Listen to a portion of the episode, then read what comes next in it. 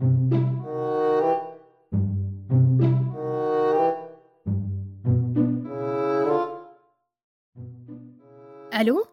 آه ألو يا أستاذ شريف.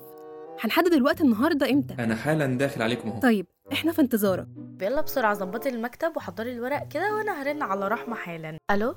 أيوه يا رحمة. هاتي ملك وتعالي حالا. إيه في إيه؟ صوتك ماله. وبعدين ده أول يوم شغل. يا ستي تعتذر بعدين. أهي اشتغلت نص يوم. اتصرفي يا رحمة وتعالي. نص ساعة ألاقيكي قدامي. حاضر حاضر حاضر. سلام.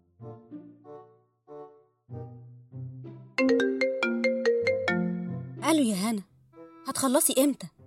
إيه نسيتي عيد ميلاد أبوكي؟ لا خالص يا ماما. أنا بس انشغلت في قضية عندي كده. صوتك ماله؟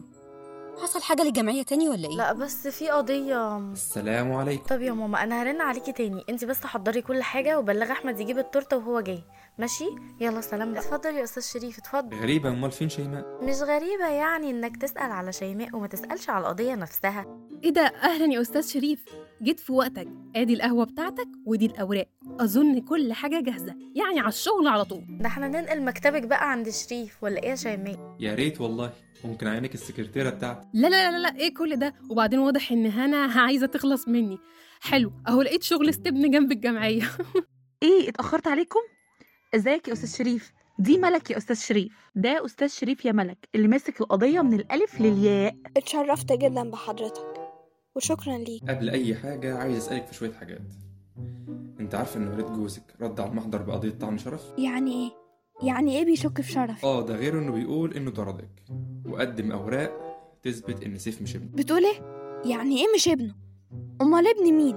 جبته منين أنا يعني؟ اهدي يا ملك. هو مش سهل أنا عارفة.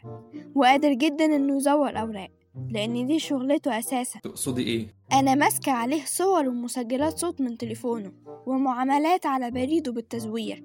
عشان أهدده عشان يجيب لي ابني. بس للأسف الفون ده عند خالتي كل حاجة عند خالتي. بس أنا مخبياه أكيد مش هيعرف يوصل ده لو لقيناه هنوديه ورا الشمس. حالا هروح اجيبه افتكرت إنه تقريبا من أسبوعين رجعت على البيت علشان أشوف ابني. وساعتها مسكني وبهدلني والجيران كمان خدوني للمستشفى. الدكتور اللي هناك قال لي هعملك تقرير طبي وأخد شهادة اللي جابوني. قال لي استلمي التقرير بكرة. بس بصراحة أنا مشيت وخفت أجيب التقرير. طيب تعالي الأول نروح نجيب التليفون. طيب روحوا أنتوا وبلغيني. ولا أقولك لأ خلاص أنا هاجي معاكم شيماء خليكي هنا مع أستاذ شريف لحد ما نيجي. ماشي؟ أنا بعتذر منك جدا يا أستاذ شريف. لا أنا منتظر. تفتكر مين اللي صح؟ إيه مش كنت ضد الرجالة على طول؟ إيه اللي حصل؟ لا وما زلت كده بس ده حتى أهلها ضدها. ما ده يا شيماء عشان دي البيئة بتاعتها. في ناس بتحمل كله على الست. ولو ضربها فهو متضايق ولو شتمها فهي مستفزة وكمان لو قتلها هي أكيد خانته. الناس نفوسها مريضة وزي ما في رجالة زفت في ستات بتقتل جوازها كمان. عالم المحاماة ده أنا شفت منه كتير والأكتر أما كنت لسه متخرج وبتدرب. الواقع مخيف مخيف جدا. أمال أنا لحد دلوقتي سنجل ليه؟ خايف إنك تتقتل ولا إيه؟ لا أنا لسه ملقتش اللي تحرك قلبي وتخليني أواجه الخوف. بس هتصدقيني لو قلتلك إني لقيتها. طب ده خبر كويس جدا.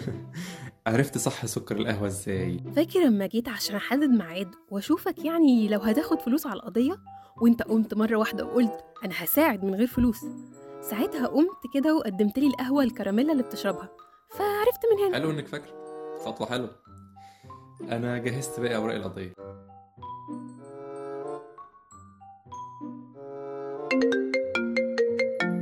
ألو؟ ألو يا هنا. أيوه يا شيماء. خلاص إحنا لقينا الفون وعليه كل الملفات. إحنا جايين عليكي حالا. أستاذ شريف لسه عندك صح؟ آه لسه موجود ومستنيكوا طب يلا سلام بقى. أنا قربت عليكي أهو. لقوا الفون. والملفات اللي عليه؟ لقوها. أقدر أقول كده مبروك علينا. وآه أما عن التقرير فبلغيني اسم المستشفى أجيبه منها. وكمان صح والد جوز ملك كان ممسوك في قضية مخدرات بس طلع منها. فلازم بكرة أقلب القضية كلها ضده. عشان أكيد الناس اللي معاهم دول تقال. فلازم ألهيه كده في كذا قضية. المهم أطلع بالولد وكده كده هطلع بيه.